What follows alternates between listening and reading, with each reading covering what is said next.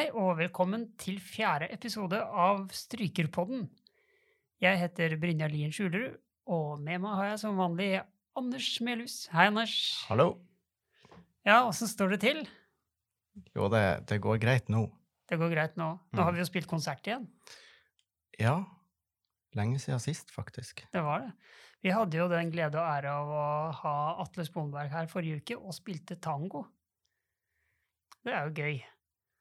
Ehm, og det er jo en stilart som vi eh, i utgangspunktet egentlig ikke kan sånn veldig mye om. Vi har spilt litt tango før, men eh, mye er jo fortsatt nytt, og det er eh, mye som skal inn på en uke.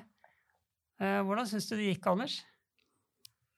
Personlig hadde jeg det helt for jævlig, for jeg, det var så lenge siden sist jeg hadde spilt konsert at jeg eh, var, Jeg var glad jeg fikk to, to sjanser, da, sånn at jeg kunne rette, rette det opp litt på konsert nummer to. Såpass, ja. Hvorfor det? Altså, første konserten gikk rett vest, altså? Nei, det var Jeg vet ikke. Andre, andre får kanskje bedømme òg, da, men jeg, jeg følte meg litt lost, for å si det sånn.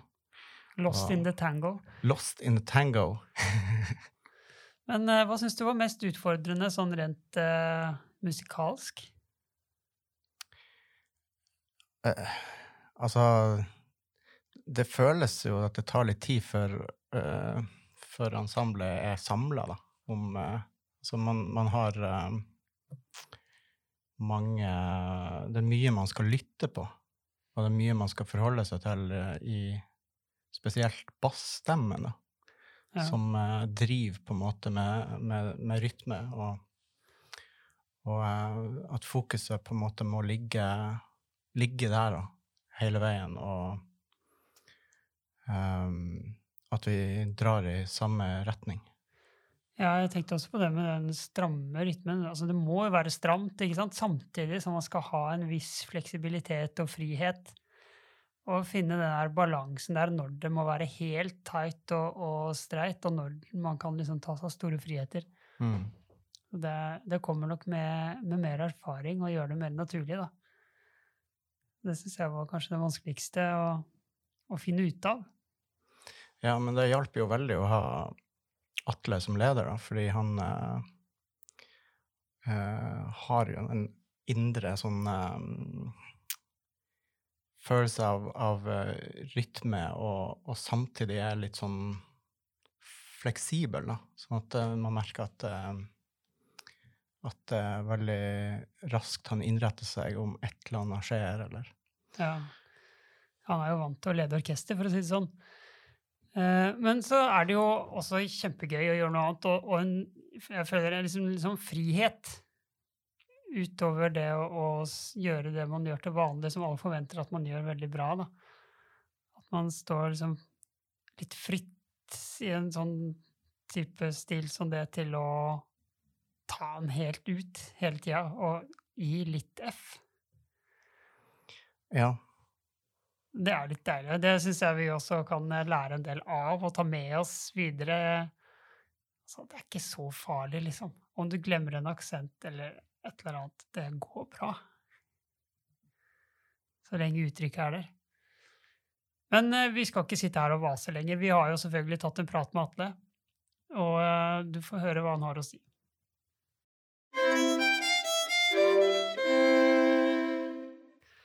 Ja, hjertelig velkommen eh, hit til Strykerpodden sitt eh, studio i Tromsø, Atle Smonberg. Tusen takk. En ære å få være her. Hyggelig. Det er jo veldig hyggelig at du ville komme hit, og veldig hyggelig også at du ville spille med Arktisk Filharmoni denne uka her og gjøre tangokonsert i, i går og i dag. Så eh, hvorfor begynte du å spille fiolin? Nei, det var jo fordi egentlig da at uh, storebroren min begynte. og da måtte jeg liksom også begynne å spille, da, siden han gjorde det. Og så var det jo et veldig flott strykemiljø på på Gjøvik eh, med Rolf Bekkelund i spissen. Så mm, det liksom lå til rette for det også måte, Ja. i, i byen. Så både familie og miljø som Ja. ja. Og det, du blei grepet med en gang, eller? Ja, jeg må kanskje nesten få lov til å si det. Altså, fordi foreldrene mine forteller at eh, når jeg fikk den første halvfele, var det vel, så satt jeg med den i fanget eh, hele dagen. Så det var kanskje noe som liksom eh, eh, berørte meg med å ha en fiolin i hendene. Jeg bare satt hele dagen med den. Bare å ha den der. Jeg ville bare ha den med. Liksom. Ikke så mye øving, men mest kosing med fela. Riktig. Ja, ja. Var, det, var det på eh, kulturskolen eller musikkskolen på Gjøvik? Ja, kulturskolen. Ja. kan du fortelle litt om studiene dine? Hvem som har eh, hatt stor betydning for deg opp igjennom, og, og hva som var på en måte filosofien bak de eh, studiene du hadde? Ja, det er jo eh, Det begynte jo med Rolf Bekkelund, som jo hadde en enorm betydning for eh, å vekke interessen for eh, fiolin og musikk. Um, og så som 16-åring så begynte jeg hos Isak Schuldmann, eh, den hårde russiske skolen, eh, som eh, han gikk av oss i sju år. Eh, og det har på en måte også formet meg veldig Du får på en måte inn håndverket veldig grundig eh, med den skolen der, da. Og masse øving og ved siden av gymnasstudier så er det fem timer hver dag. Og det var ganske eh, Ikke slitsomt, men det var eh, ja, mye jobb. Ja, det var hard, hard jobb. Men bare tilbake til Rolf Bekkelund. Hva gjorde han for å vekke den interessen og gnisten hos sine elever? For jeg har hørt flere som har sagt det om han. Ja. Det er ikke godt å si. Altså, han, eh, hans genuine engasjement, tror jeg, for musikk, Mm. som smitter over til, eh, til elevene. Og så ikke sant, Jeg hadde hatt to spilletimer, og så kasta han meg rett inn i aspirantorkesteret. Så satt jeg der på tredjefjellet da, uten å skjønne så mye. Ja, den, den harde tiden som tredjefiolinist. Riktig. Ja, ja. Men jeg tror at det er liksom å spille sammen med andre Vi hadde hele tiden sånn derre eh, Bollekvartetten og Bruskvartetten og oktett, så var det juniororkester, aspirantorkester, byorkester. Spille sammen med andre. Ja, det var det som Samspill. Mm. Ja. Ja. Uh, ja, tilbake til Schultmann. Eh, hvordan, eh, hvordan var det han underviste? Nei, han er jo Det er jo på en måte en knallhard eh, russiske skolen, også uh, med mye vekt på skalaer, teknikk og etyder. Um, for å få inn det grunnleggende basics håndverket. Um, og veldig sånn Ja, jeg husker han sa, han sa at det var bra. Det ordet 'bra' brukte han uh, to ganger i løpet av de to første årene. Så det er virkelig tøft. eh. Men så også oppmuntret han oss til å mm, tenke sjøl og finne våre egen musikalske fraser. Og, eh, så det var litt sånn tosidig. Vi fikk også litt frihet. Ja. Men når han først sa bra, så var det vel kanskje sånn at man gikk og, og tok seg en brus etterpå? Riktig, da, da var det skikkelig feiring. Ja, ja. Eh, ja, og så videre så dro du til Amsterdam. Ja, hos uh, Herman Krebers, Uh, den legendariske konsertmesteren i Konsertgebau, som jeg hadde hørt om og fått anbefalt da, ved Schwelik-konservatoriet. Uh, fantastisk fiolinist, altså. Og det var veldig, han var veldig sånn litt motsatt. Han eh, måtte lære en ny felekonsert til hver time. Du fikk liksom 14 dager eller en måned på å lære en ny felekonsert. Fikk du fingersetningene hans, buene. Så bare gikk du i gang og spilte den, og så neste gang var det en ny en. Det var litt sånn annen innfallsvinkel. Eh, Men veldig fint. Jeg syns jeg utviklet meg fint i løpet av det året også.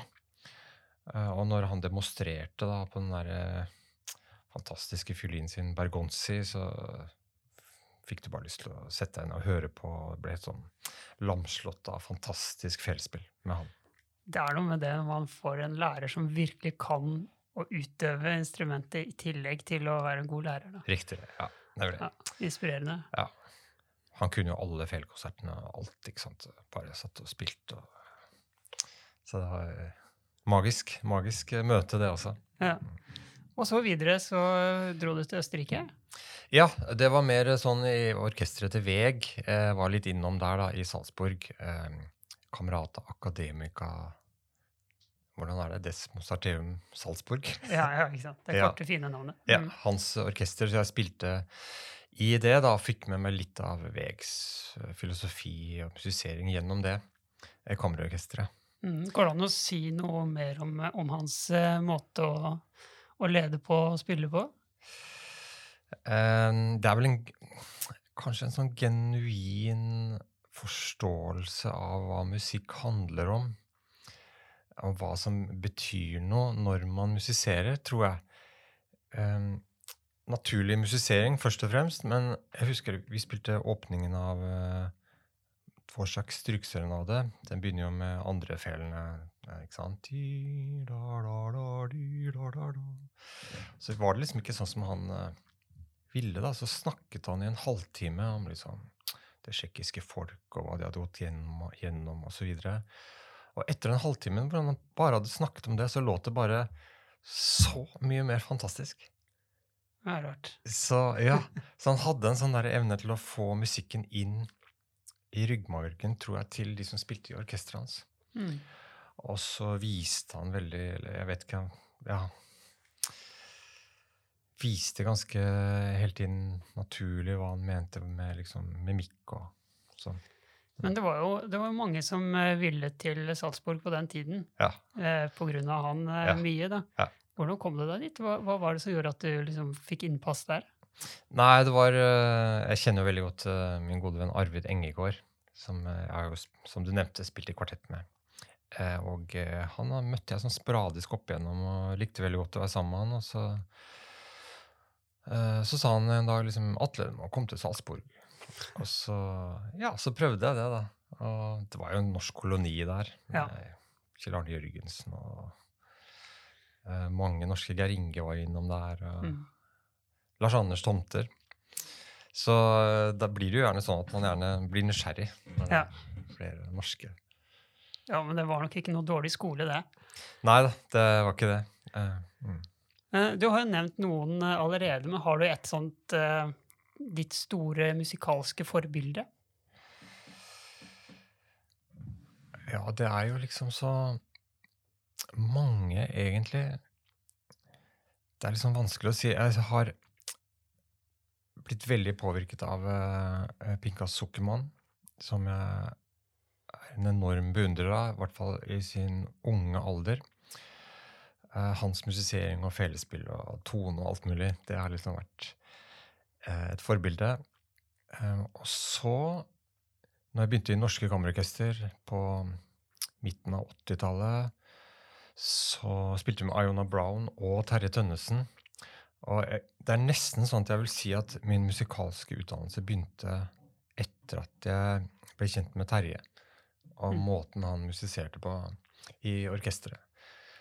Eh, Så det er på mange måter også et forbilde. Måten han tenker på musikk og eh, Alt han sier, er liksom med mening, og hvordan han vil ha frasen og eh, Så kanskje, kanskje de to. Terje og Sukkermann. Men i tillegg så er det jo ikke sant, Du lar deg jo påvirke av Yehudi Menuhin, Oistrak, eh, Perlman, som jeg syns er en fantastisk person. og det, det blir liksom eh, et sammensurium av mange inspirasjoner. Ja. Men eh, noe favorittverk? Goldberg-variasjonene. Ah. Ja, det har vi jo spilt inn. Har du hørt innspillinga vår, eller? Nei, det har jeg ikke hatt en glede av å høre. Ta, ta, ta deg tid til det. Ja, det skal jeg gjøre. ja. Og så lurer jeg på eh, Du underviser jo en del, Mm. ehm, og har jo sikkert noen sånne øvelser som du stadig vender tilbake til. Ja. Får jeg høre litt om det? Ja, eh, det er noe jeg har begynt med de siste årene, egentlig. Hvor liksom det som Schuldmann, de øvelsene som Schuldmann hadde når jeg først begynte hos han, det har jeg vendt litt tilbake igjen på med hans skalasystem, eh, hvor han på en måte Det er veldig sånn eh, Finne en naturlig håndstilling i venstre hånd. Mhm. Eh, med, det går egentlig mer på Det er kanskje vanskelig uten å demonstrere, men at han har sånn derre I tredje posisjon, i D-dur. Mm. Da må du liksom venne deg til at fingrene lander der de skal gjøre, på en naturlig måte. Det er litt sånn venstrehånds uh, skalaer, og selvfølgelig arpeggioer opp og ned. Um, som er en sånn grunnleggende greie som jeg syns at alle studenter bør kunne. da. Og jeg er overrasket over mange som på en måte ikke har vært gjennom skalaer på forhånd. fra kulturskolen. Uh, og sånn. Men eh, så det må man liksom ta litt tak i, da. Um, og eh, så er det selvfølgelig de vanlige Kreutzer-etydene som jeg liker veldig godt, som tar tak i forskjellige deler av feltspillet. Og så er det høyre hånd eh, mest mulig naturlig som Hvis du skulle spille tennis, på en måte, så har du forehand. At du har en helt fin bevegelse. Naturlig.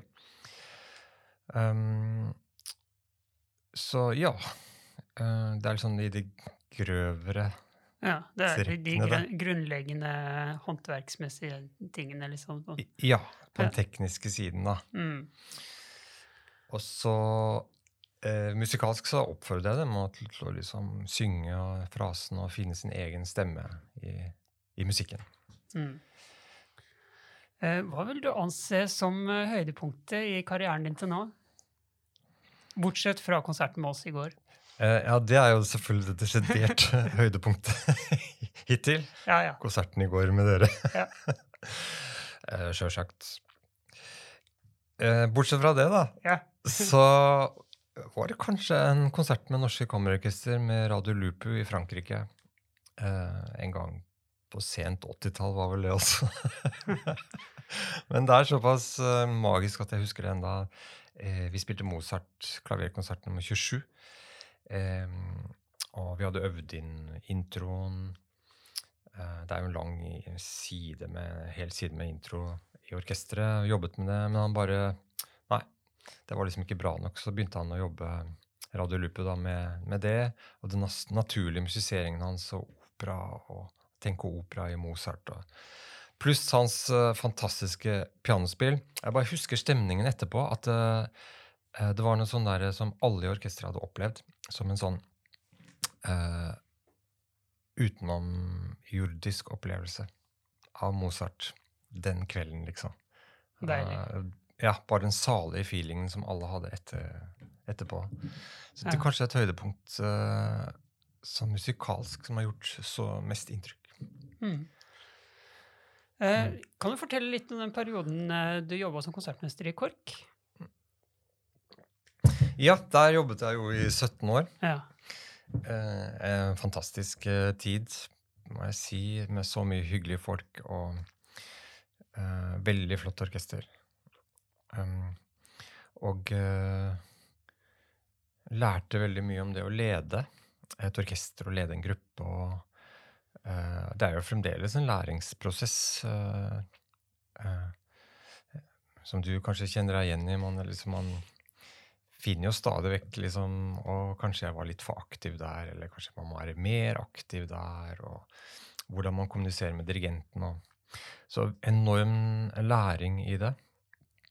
Og også mange flotte høydepunkter med eh, Beethoven-symfonier og Brahms. Og, Mm. mange bra dirigenter som var innom. Pluss at øh, ja, du får jo litt av den der lette underholdningsmusikken nå da, gjennom i KORK der. Så uh, litt av hvert uh, av impulser, på en måte. ja. Mm. Men du var innom det her med, med å lede en gruppe. og sånn. Vi Ja. snakka mye, mye om det med Terje her i Ja. en episode. Ja. Uh, hvilke erfaringer har du gjort deg i forhold til den, den sosiale biten, som Terje sa han ikke var så flink til i, Korko, nei, i, i OFO, og angra litt på det, kanskje? Ja. Hva følte du i KORK? Du, du er jo en helt annen eh, som personlighetstype enn Ja. Terje. Ja. Eh, hvilken rolle spiller den sosiale biten, syns du, for en konsertmester? Altså For Terje sin del, så eh, For eksempel, da. Jeg kan kanskje begynne der. Begynn der. Ja, så har han så genial måte å lede på. Så det er jo det aller viktigste for musikeren, at de har en leder de kan stole på, og som har noe eh, hele tiden noe, noe bra å si når han instruerer. Og da spiller det ikke så stor rolle med den sosiale biten, på en måte. Eh, for han, tror jeg. Eh, men jeg er en litt annen type, så jeg, jeg tror det er veldig viktig å ha, føle at du har kontakt med alle i orkesteret, og særlig på gruppa di. eh, og gruppelederne, sånn at måte, de føler seg sett, at alle i orkesteret føler seg sett av konsertmesteren. At, de liksom, at, liksom, at du setter deg selv som konsertmester over de andre, men at du er eh, en del av et team. Og da tror jeg den sosiale biten er veldig viktig. At du er sosial og snakker med folk. Og, eh, og jeg tror også man får mer connection når man spiller musikk. Når man kjenner de man spiller sammen med. Mm. Så, så jeg tror det er viktig. For meg er det i hvert fall viktig. Det kommer litt an på typen. Ja, det, det tror jeg. Jeg tror liksom hver, eh, hver enkelt må finne sin måte. Ja. Mm. Uh, hadde dere noen strategi mens du var konsertmester i KORK for hvordan dere ønsket å utvikle dere, og i hvilken retning dere ønsket å utvikle dere? Ja, det var jo stadig vekk sånne, du vet, sånne seminarer. Om teambuilding? Teambuilding, ja. Ja, ja. Så vi, hadde, så vi hadde jo ideer på det, ja. Hvordan vi ville utvikle oss, og snakket om det. Uh, det gjorde vi. Uh, men uh, som Det er veldig vanskelig for et orkester å på en måte ha en klar linje fremover, følte jeg, da. Akkurat i KORK, fordi at de gjør så mye forskjellig.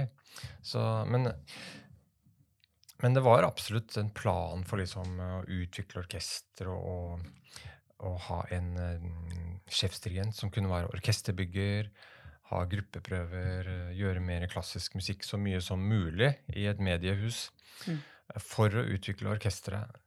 Så um, det var en, en plan for det, det var det helt sikkert. Og med nyansettelser og sånn, og finne de som passet inn og, og sånn. Men hvor klar linje det er, det er litt vanskelig å si. Det er ikke så lett for et orkester med så mange mennesker å skape en sånn klar visjon. Da. Nei, Men jeg vet ikke hva det- du syns. eh, Om det er lett? Nei. Ja. Nei, nei vi, vi har jo også litt samme situasjon der Vi skal liksom dekke overalt. Ja. Mm. Veldig mange sjangertyper og, og besetninger. Som, eh, så det, det er ikke så lett å finne en sånn klar Vi skal dit, på en måte. Nei. Eh, men likevel så tror jeg det er veldig viktig å snakke om det. Ja. Men det er jo litt sånn, det er jo eh, sånn vi beveger oss i musikkens verden i dag. Å Ja. være innom forskjellige sjangere. Mm. Så det er en kjempeviktig bit å gjøre mye forskjellig. Det blir mer og mer av det, tror jeg. Ja, det tror jeg òg. Enten det, eller at man spesialiserer seg veldig innenfor én sjanger, kanskje. Ja. Mm. Um, men eh, du har jo også spilt veldig mye kammermusikk opp igjennom. Mm. Uh, veldig ettertraktet kammermusiker. Og eh, mye av tiden, eller i hvert fall en, en periode, så spilte du i Engegård-kvartetten. Ja. Kan du fortelle litt om den perioden der? Ja, en fantastisk tid. Eh, Jeg elsker å eh, spille med dem. Og altså, du kan jo leve av å spille sene betongkvartetter. det er jo verdens beste musikk og repertoar med det. Og lærte veldig mye. Og jeg spilte andrefele med Arvid, som, uh, Arvid Engegård da, som primarius. Også veldig fint å lære seg liksom the inner voices. Uh, the middle voices uh, i, i kvartett. Um, så det var utrolig flott tid. Arvid Engegård som primarius i kvartett er bare helt fantastisk. Han er en gudbenådet musik musiker som var fantastisk å spille med. Som jeg har lært veldig mye av og hatt mange store opplevelser med. Mm, vi får se om vi kan ta en prat med han litt seinere. Ja, det anbefaler jeg. Mm. Absolutt. ja. men hvilken eh, innvirkning har det hatt på din videre karriere? Jeg tenker du på kvartett? Ja, på kvartettspillet. Ja. Uh, ja, det er ikke godt å si, Nei. egentlig. Hva man tar med seg? Jeg tar med meg en god del av liksom måten vi øvde på. Eh, øver mye langsomt Mye langsomt Ja. i kvartett. i kvartett. Ja. Ja, jeg snakka litt med Bjørg Louis om det her også, om hvordan de Ja. øvde. og De også øvde langsomt. Men, eh, men hvordan øver dere langsomt, da? Nei, det er Vi kunne for eksempel, La oss si at vi skulle hatt en kvartettøvelse, og så begynner vi dagen med en halvtime og tar ett parti i en betongkvartett. Så øver vi kjempelangsomt for å sjekke at alle akkordene er eh, rene, god intonasjon. Um, den biten av det. eh, og det påvirker på en måte resten av dagen og resten av stykket, bare vi har tatt liksom en halv side med rolig, rolig, rolig intonasjon. Hvor langsomt snakker vi da? Jeg snakker med hver tone. Sånn der, Noen ganger så hører vi på den akkorden, så tuner vi, og så neste og så neste. Ja. Men vi øvde også langsomt med frasering. Ja. Um? Vi bestemte oss for å Eller hvordan fraserer man, da? Jo, eh, det er jo gjerne harmonisk basert hvor vi Mm. fraserer. Og en glimrende måte å få det inn på, og kjappest måten å få det inn på, er jo å øve langsomt. Da var det sånn eh, Bare litt sånn langsommere tempo, men i rytme og puls og frasering. Bare håret langsommere. Gjør, gjør alt, men bare langsomt. Ja, mm. Mm. Da får du så mye kjennskap til hva de andre har, harmonikken og hvor frasene går, og klang og alt. Så det er et eh, supertips, tror jeg, for kammermusikkgrupper. Mm. Ja, det tror jeg òg. Mm. Um, er det noen andre samarbeid som du, du har gjort som har betydd ekstra mye for deg? Ja, altså Apropos musikkformidling, da. Nå hørte jeg i går at uh, dere har vurdert å kontakte en som heter uh, Kyrre Teksnes. Ja, stemmer. å komme opp hit. Um, og han, han er jo en musikkformidler som uh, Ja, vi kalte prosjektet Musikk i bevegelse, da. Og i ordet bevegelse er liksom hvordan beveger man et publikum? Hvordan kan publikum føle seg mer berørt av en konsert? Og hvordan vi formidler musikken. Eh, og det måten han eh, gjør det på, han skaper liksom bilder i han, eh, i litt hvordan vi tenker, og hvordan friheten når vi spiller, og, og også koreograferer et kammerorkester. Vi må kunne alt utenat, og så lager vi en slags koreografi, og hvordan det påvirker formidlingen av musikken. Mm. Um, men han er ikke sånn der, altså, han, Det er liksom veldig mye opp til oss også, men han bare skaper en sånn uh, idé om formidling. Som, som jeg har latt meg påvirke veldig av, som jeg bruker på en måte deler av når jeg forbereder meg sjøl, også til solokonserter og kammermusikk og alt mulig, eller instruere orkester. eller Også norske kammerorkester med en som heter Bud Bayer, Mm. som var innom der, hvor de også spilte utenat. Og hvor det dreier seg om musikkformidling som Det er jo det vi it's, Det er liksom det ultimate Det vi er opptatt av, er hvordan vi formidler da, musikk. Og hvordan vi berører et publikum. Bud Bayer var også en pant pantomimekunstner som uh, har sett på hvordan man formidler kanskje litt kroppslig da, eh, når man spiller. Uh, hvordan um, hvordan det virker ut. Mm. Eh, og Sander Tingstad, min kollega kollega Ja. Mm. her i Tromsø, fortalte også om et eh, prosjekt med og jeg tror det var Symfonietta Innlandet, Ja. hvor dere faktisk ikke hadde noen prøve på forhånd. Gikk rett på å jobbe med han Ja. Kyrre Teksnes. Ja. Og faktisk han ledet alle prøvene, selv om han ikke har noen musikalsk Ja. bakgrunn overhodet. Riktig. Hvordan fungerte det? Ah, det er helt fantastisk, men det er litt sånn magi. Du vet ikke helt hva han gjør, da. Men for, eh, vi hadde jobbet bitte litt, da, og så hadde jeg liksom snakket litt om frasering i Det var 'Piken og døden' da, av Schubert. Ja, Den er jo lett, som vi vet. Det er kjempelett, ja. Og det er masse å snakke om, da. Og så forsøkte jeg liksom å si litt sånn litt fraser her og der, men det er litt sånn Det ville seg ikke helt. så kom han, så sa han noen få ord, og så plutselig så åpnet musikken seg, og uh, Det var bare sånn derre ja, På det stedet eh, Hva om dere beveger dere litt framover der, for eksempel?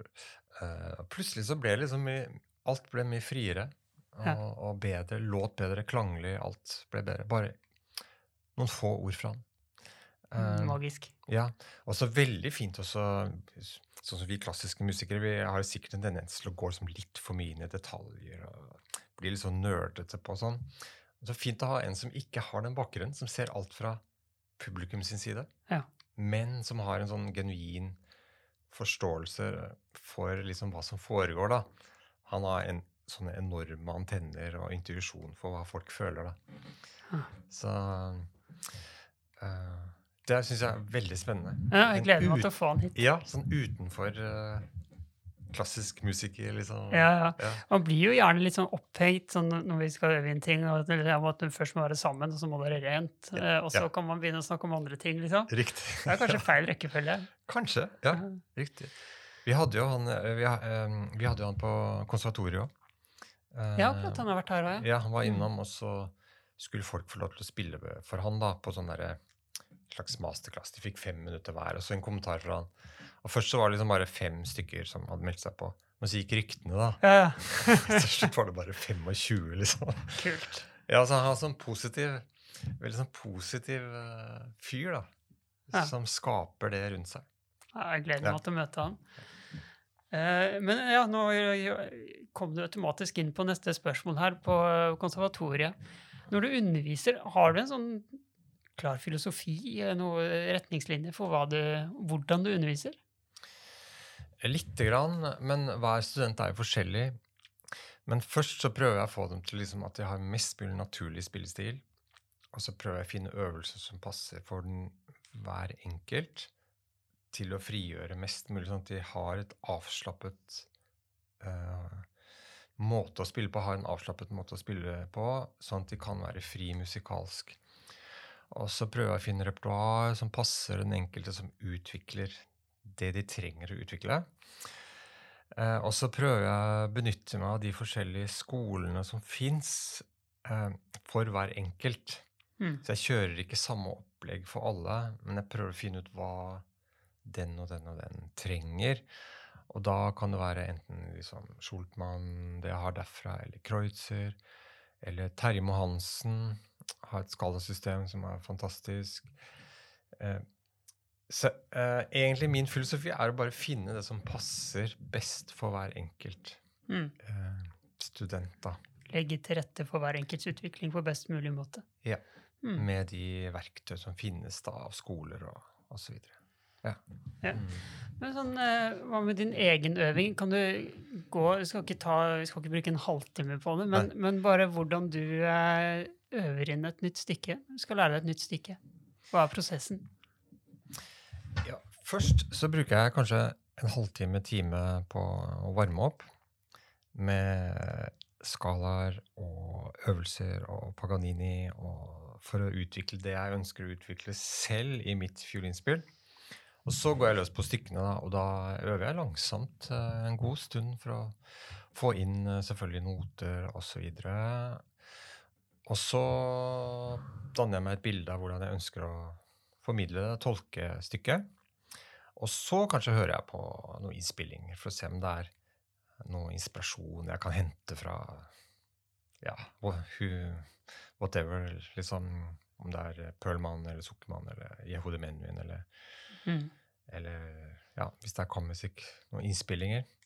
Ja. Eh, Men det er liksom først etter at jeg har dannet meg et bilde av hvordan jeg selv ønsker det. da. Og du vil ikke bli farget av andres Nei. eh, nei. Nei, Skjønner. Mm. Og så har jeg også begynt med å mm, kontakte eh, kollegaer eh, Hvis jeg har et stykke jeg gjerne vil liksom lære meg, og så, ja, ok, da ringer jeg opp han og så spør jeg om å få spille det for han. En sånn, for eksempel nå er det en fransk fiolinist som heter fantastisk Nicolas Datricourt, som jeg kjenner. Eh, og så tar vi en Zoom-time på en Caprice. Ja. eller Er ikke det veldig skummelt? jo, det er kjempeskummelt, men det er så lærerikt. Og så Ja. blir du pusha. Men uh, uh... oh, det høres jo helt forferdelig ut. Ja, det er det litt til å begynne med. ja, det skjønner jeg. Men eh, hvordan eh, finner du ut av hvem du har lyst til å spørre til hvilke stykker? Har du noen faste som du liksom snakker med? Ja, nå er den siste var han Nicolas, da, og så kan det være Terje Hansen, som er min svoger. Er Gift med søstera mi. Det er ikke så skummelt. Nei. ja. Men litt allikevel. Ja, ja. Du merker det på kroppen. At, men det er så lærerikt, og så får du tips som du eh, kanskje ikke har tenkt på sjøl. Så det er det. Du får tips, og- så blir du pusha til å øve. Hvor tidlig i prosessen gjør du det her? Nei, det er liksom når jeg føler at jeg har relativt god kontroll på stykket. Ja, Når du kan det, liksom? Kan det sånn noenlunde. Men Ja. det må ikke være sånn perfekt Ja, Ja. hvis det noensinne blir perfekt. Ja, ja, ikke sant? det må ikke være sånn. Fordi det er jo bedre å få tips tidlig i prosessen på en måte òg, så du vet om du øver feil eller riktig på det. liksom. Slipper å gå i blindgater. Ja, Mm. nemlig. Plutselig så er det noe som åpner seg. Så, ja. Ja. Er det forskjellige måter å øve inn på for forskjellige typer repertoar? Um, det er stort sett likt. Jeg begynner alltid langsomt. Uh, og så ser jeg på harmonikken, og så er det frasene. Det er, uansett, tror jeg, om det er barokk eller om det er Paganini, fra, kapriser eller Mm. Noen stykker har jo litt mer tekniske utfordringer, så, men det er uansett Det starter langsomt. Ja. Men hvordan går du fram for å finne måte, din tolkning? Ja da. Jeg ser på harmonikk, og så mm, Jeg synger veldig mye. Jeg synger med, uh, på øvingsrommet for å finne liksom hva som er min måte å frasere på, da. Fordi eh, stemmen er jo det som er nærmest uh, måten vil uttrykke deg på. Det er jo stemmen. Fiolinen er jo det er et sånn mellomledd, men stemmen er jo inni deg. Og da, hvis du synger ting, så, så finner du måter å Finner du naturlig Mm. eh, måte å uttrykke på hva du ønsker å si, da. Um, det, uh, harmonikk, og så inspirasjon fra uh, Ja, fra innspillinger, YouTube, um, sånne ting. Ja, Der du kan finne det. Ja, Ja. Men vi kommer jo ikke unna tango Nei. Mm. i et intervju med deg. Hva var det? Hvordan begynte det? Hvorfor spilte du tango? Nei, det var jo noen dårlige venner på høyskolen, eh, som jeg pleier å si. Dårlige venner. Blir du dårlig venn av å spille tango? uh, nei da. Uh, nei da. Det var gode venner uh, som inviterte meg med å være med i en gruppe som het Tango for tre.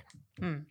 Og så ble jeg med der. Så var jeg litt skeptisk til å begynne med, fordi det var jo ikke med en bandoneon, som er dette argentinske trekkspillet med den fantastiske sounden. Eh, Så jeg fikk liksom ikke helt uh, grooven på det til å begynne med. Men så fikk jeg høre Vi fikk med en argentiner, eh, Juan José Mussolini, på første CD-en. Og når han satte seg ned med Bononione, så fikk du bare lyst til å ta et glass rødvin og sitte og høre på han spille tango. Og da var jeg solgt på det. Eh, så siden det har det vært mye med Per Arne, og jeg- jeg ble fullstendig forelsket i, i tango. I uttrykket? I uttrykket. Ja. Når jeg hørte Piazzolla, hans første CD Nei, eller ja, jeg hørte min første tango-CD med han, det var Adios Nonino av Piazzolla, og da var det helt Jeg bare spilte den hele dagen. Og, ja. Men uh, du har jo også tatt litt sånn uh, utdanning uh, på si i tango. Mm. Hvordan gjorde du det? Nei, det var også en en dårlig venn Nei, det var ikke det. Min gode venn Oddmar Amundsen fra Vi bodde i Ullevål Hageby da, så hadde vi sånne der kulturaftener på lokalpuben, og så spilte vi litt tango, da. Men han var bluesgitarist, jeg var jo fiolinist, klassisk. Men så ble vi litt sånn nysgjerrig på tango, og så nei, vi må jo dra til Buenos Aires og studere tango. Så søkte vi stipend, og så fikk vi jo det. Merkelig nok. Er det så lett?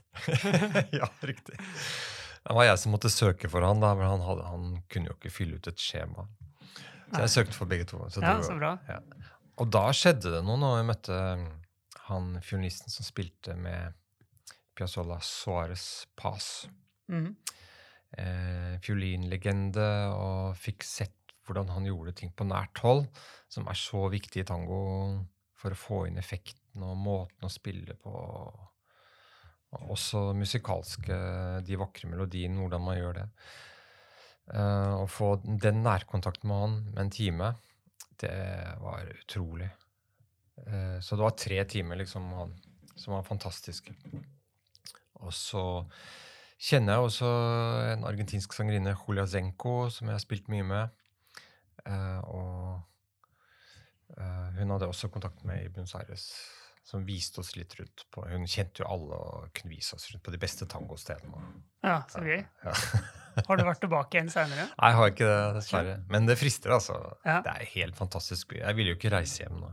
Hvor lenge var dere der? Nei, det var noen få uker. Ja. Men hvordan skiller øvingen seg eh, fra den vanlige øvingen? Nei, det skiller seg ikke fra den vanlige øvingen. det er helt det samme. Det er eh, langsomt. Langsom øving der òg. Mm. Det var det siste han sa til meg. Eh, øv kreutzer nummer to. Langsomt, men med tangorytme.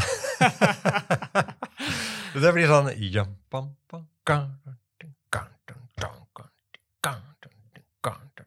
For å få det inn i kroppen, altså. Ja. Eh, og, jeg, og jeg tror der kanskje mange klassiske musikere har litt å hente. da, At de kan ta det også litt på alvor. Man øver langsomt, få inn rytmen. Spille helt på frosjen. Og når det gjelder det rytmiske, da. Ja. Um, og så når det gjelder det melodiske, så er det litt annerledes. Fordi at eh, du har større frihet i de fantastisk smektende melodiene. da. Så der er det litt mer eh, at du må på en måte ha litt sånn improvisatorisk innfallsvinkel. At Mm. du spiller samme tema kanskje ti ganger, bare forskjellig hver gang. Og finner etter hvert en sånn naturlig måte å være helt fri på. Men ut fra musikalske bildet, da. Ja, Vi snakka jo litt om det her i lunsjen i går, faktisk. Det her med improvisasjon. Ja. Eh, og det går jo en grense kanskje et eller annet sted mellom hva som er liksom bare en variasjon over temaet, og hva som er en fri improvisasjon. Eh, hvordan lærte du deg å, å improvisere det her? Eh, ja. eh, improvisasjon Det er på en måte improvisasjon ut fra et notebilde, men det er ikke improvisasjon ut fra en akkordrekke, Mm. sånn som de gjør i jazz. Eh, der har du Du ser akkordene, og så har du en melodi som kanskje pianisten spilte først, og så skal de improvisere over akkorder.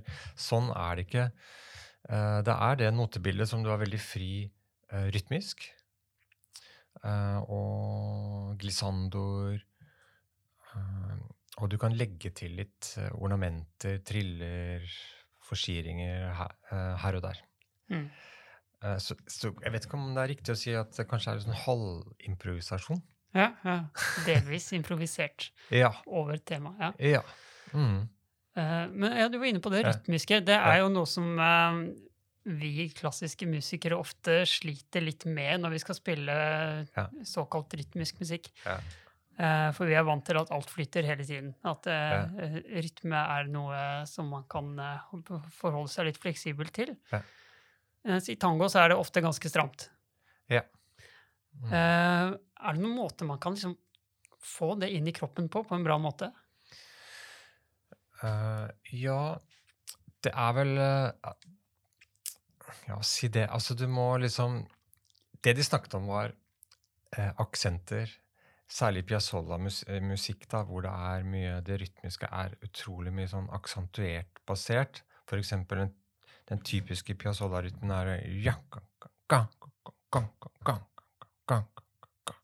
Så hvis du øver det langsomt, får inn aksentene i kroppen, sånn at det ikke bare, men at det ikke bare blir aksent, men at du virkelig føler groovet i aksentene.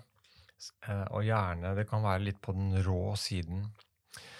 Um, så jeg tror at det, jo mer du øver på det, jo mer du øver på det både langsomt, fort eh, hører på musikken og får det til å groove, men at du virkelig gjør disse aksentene sånn som står, og får det inn i kroppen, eh, tror jeg er en bra måte. Um, de andre tangorytmene er jo Det er jo i alt ni forskjellige tangorytmer i argentinsk tango. Okay. Så du må liksom sette deg litt inn i de forskjellige eh, rytmene. De fire på en måte Hovedrytmene er fire flate, holdt jeg på å si. Ja, bam, bam, bi, ja, bam, bam. Og så har du eh, milonga-rytmen, som er ba, ga, da, ga, ga, ga, ga. Mm. Og så har du Piazzolla-rytmen, som jeg sa. Ja, ga, ga. Og så har du en eh, vals. Mm. Så når det gjelder Piazzolla, så er det mer eh, liksom strikt når du først kommer inn i rytmen hans. Eh, når det gjelder tradisjonell argentinsk tango, sånn som vi spilte i går, eh, El Choclo eksempel, så er det jo Hvis du ser på argentinske dansere, så plutselig stopper de opp, og så går de videre. Og sånn er også litt tradisjonell eh, tango. Så der har du også en litt sånn rubato, en frihet rytmisk. Ja. Det er litt begge deler. Ja. Så tango handler jo på en måte om mann og kvinne som eh, søker etter hverandre. Og det gjør de gjennom på en måte å føle rytmen, tempoet, stopper opp, så går de videre. Eh, Så det er jo sånn, sånn dypere mening i friheten da, som du har i tradisjonelle tangoer. Mm. Ja, for det vi hører eh, sånn menige mann og kvinne, er jo ofte Piazzolla. Ja. Mm. Og ikke den tradisjonelle for, forløperen, holdt jeg på å si. Riktig. ja. Eh, Hvordan kan man, eh, kan man komme eh, mer eh, og, og, og få tak i den tradisjonelle tangoen? Fins det mye innspillinger, og hvordan leiter man opp hva som er bra?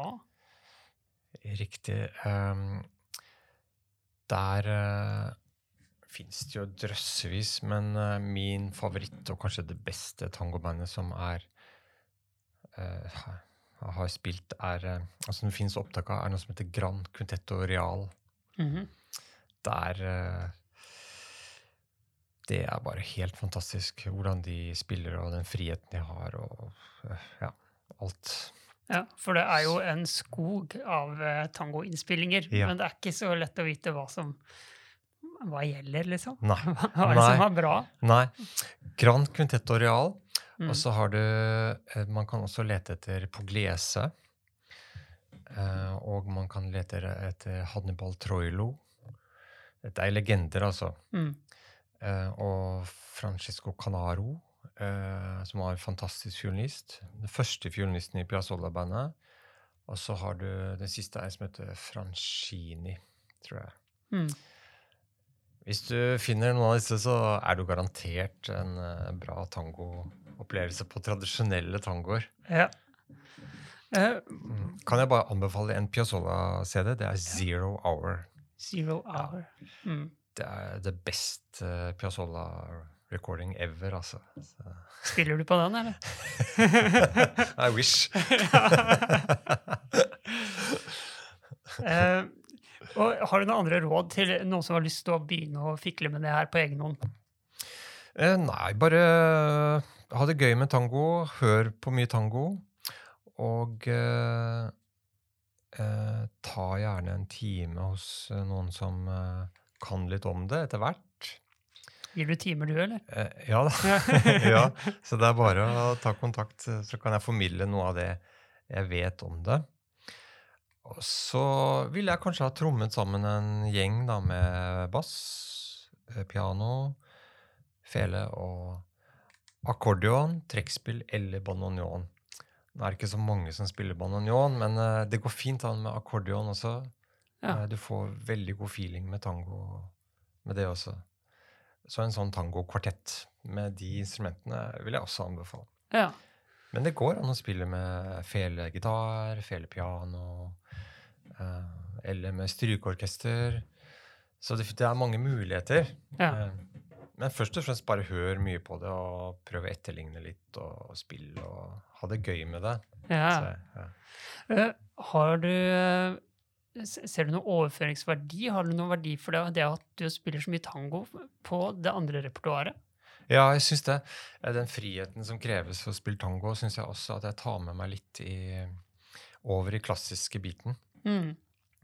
Så absolutt. Uh, syns det er så mye å ta med seg den veien. Men også selvfølgelig at jeg har en klassisk skolering som gjør at jeg også på en måte eh, fikser å spille tango òg. Eller at eh, man tar jo med seg det man har lært med klang og alle mulige eh, fra, fra den klassiske musikken òg. Så det Ja. går også den veien, som er veldig takknemlig for at jeg også har den biten med meg inn i tango. Så Mm. jeg syns det er veldig sånn flott sånn free flow begge veier. Ja, også for, for eh, fiolinister i, eh, i Argentina som spiller tango, er det ofte folk som har begynt med tango? Altså som ikke har spilt noe klassisk i det hele tatt? Ikke godt å si. Um, det vet jeg faktisk ikke. Nei. Jeg regner med at de sannsynligvis også de har begynt på en kulturskole og lært å spille Ja, fele. for de har ikke sånn tangoskoler, Eh, nei, det har Nei, de ikke. nei. så det er stort Mm. sett selvlærte. Ja. Mm. Um, hva ser du for deg at du driver med om ti år? ja, riktig. Good question. Nei, jeg håper at jeg fortsatt uh, spiller kammermusikk, uh, og spiller eh, Jeg håper fortsatt at det er musikant. Og spiller eh, musikk der det på en måte er eh, naturlig å spille fele, om det er kammermusikk solo eller i orkester. Ja, tusen takk for at du stilte opp i Strykepodden. En ære å få være her. Veldig hyggelig. Ja, så har du lykke til videre med alle prosjekter. Ja, tusen takk.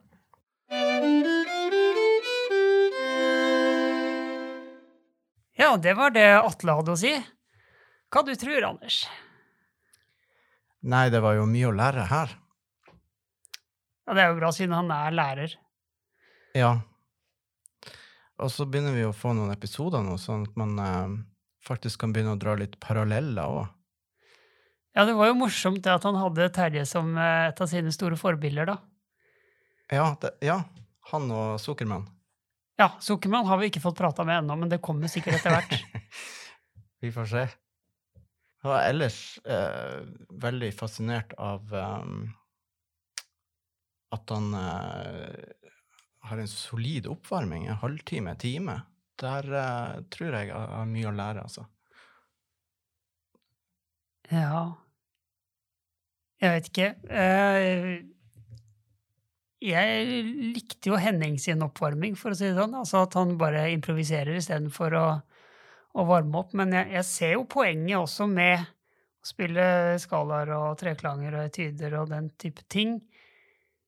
Men eh, det skjedde noe med i hvert fall min oppvarming etter at jeg fikk eh, barn.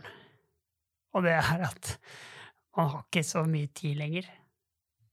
Eh, så oppvarmingen blir mer sånn derre for min del en sånn generell eh, formsjekk. Eh, og er gjort ganske kjapt. Og jeg bruker gjerne heller ting i stykker som jeg er nødt til å lære meg uansett, til oppvarming. Men eh, kanskje etter hvert når ungene blir litt eldre, at eh, jeg får tid til å begynne å varme over skikkelig igjen. Hvem vet? Det er interessant i hvert fall at, eh, at eh, man kan ha ulike ganske forskjellige tilnærming til oppvarming. Da. Absolutt.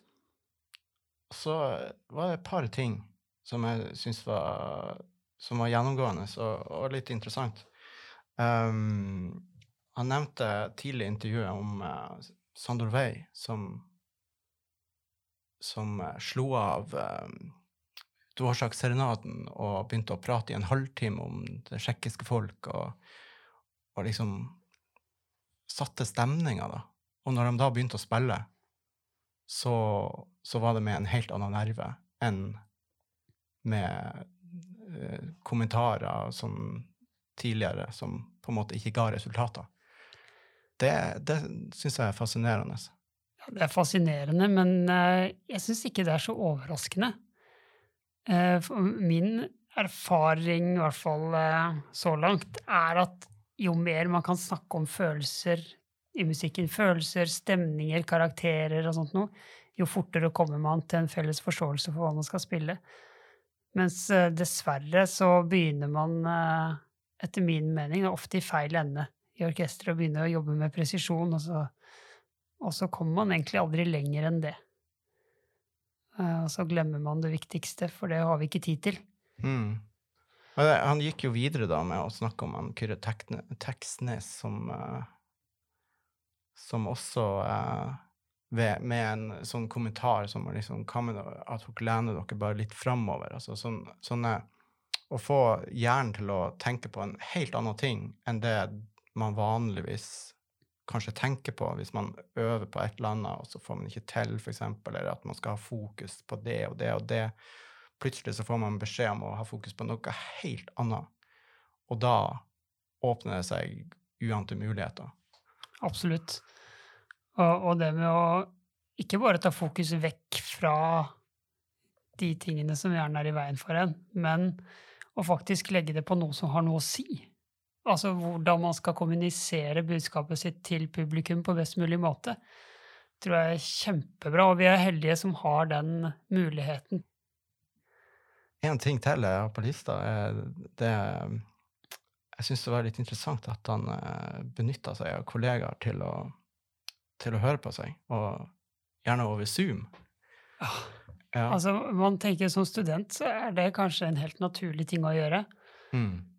Når du har holdt på i eh, et par år, sånn som eh, Atle har gjort, da Mm. krever det ganske mye mot å gjøre det der.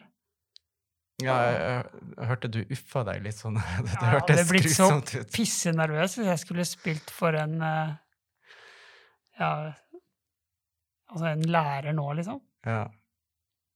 Hvis ikke det var en jeg kjente veldig godt, da. Men fy søren, så nyttig det sikkert er, da. Å sette seg i den posisjonen, for da blir det jo også spille for publikum, da blir jo walk in the park. Mm. Så finnes det jo òg, som man nevner, YouTube og eh, innspillinger, og det tenker jeg jo jeg må jo være en, eh, en sånn, et privilegium for den yngre generasjonen da, nå, som faktisk har tilgang til all, alle mulige innspillinger på Spotify, eh, og ikke minst video på YouTube, der man faktisk kan se, se folk spille, da. Mm. Eh, og eh, virkelig eh, studere om man, har, eh, om man ikke har et så stort miljø på skolen, eller at man, eh, at man har noen å se opp til, eller Så, så eh, er det jo ei gullgruve der, da. Ja. Og jeg er jo også litt fascinert av det at han har funnet på en måte sin sjanger, da. Det er jo ikke alle fiolinister i Norge som plutselig finner ut at de skal spesialisere seg på tango. Eh, og det å gjøre noe annet sånn eh, som ikke alle andre gjør, det tror jeg mm, det gir deg på en måte en sånn, et eierskap til, til den sjangeren. Enten om det er eh, om du ønsker å spille jazz eller, eller tango eller barokkmusikk eller hva det er. Så det tror jeg liksom det å spesialisere seg på et eller annet er bra. Mm. Og og jeg syns det er kult at Atle har gjort det der, mer eller mindre frivillig, virka det som. Men at han ble litt sånn dratt, dratt inn i det av en vennegjeng. Men eh, jeg tror ikke han har angra på det. Nei, det, det, man hører jo tydelig at han har lidenskap for det. Mm. Ja, nå, ja. Ja. Også, også in interessant at han eh, fra tidlig alder da hadde fiolin i, i fanget og, og måtte, måtte ha den der, liksom. Det, det sier noe om at det, har vært en, eh, en glede da å, spille fiolin Mm. Fra starten av. Ja. Det, Og det med samspillet og Rolf Bekkelund der på Gjøvik, og miljøet rundt og hele det der. Altså, hvor viktig det er å spille sammen med andre helt fra, fra man starter, egentlig. mm. Man ikke er aleine om det og står aleine på øverrommet hele tida. Ja, det husker jeg var avgjørende for uh, valg av instrument sjøl, at det faktisk var ganske ok å, å spille i orkester sammen med andre. Ja. Det er en uh, unik opplevelse. Ja, orkester er fantastisk. Og spesielt med strykere. Å ja. ja. Og med det tenker jeg vi avslutter denne episoden. episoden. Vi høres igjen om en måned. Ha det bra så lenge.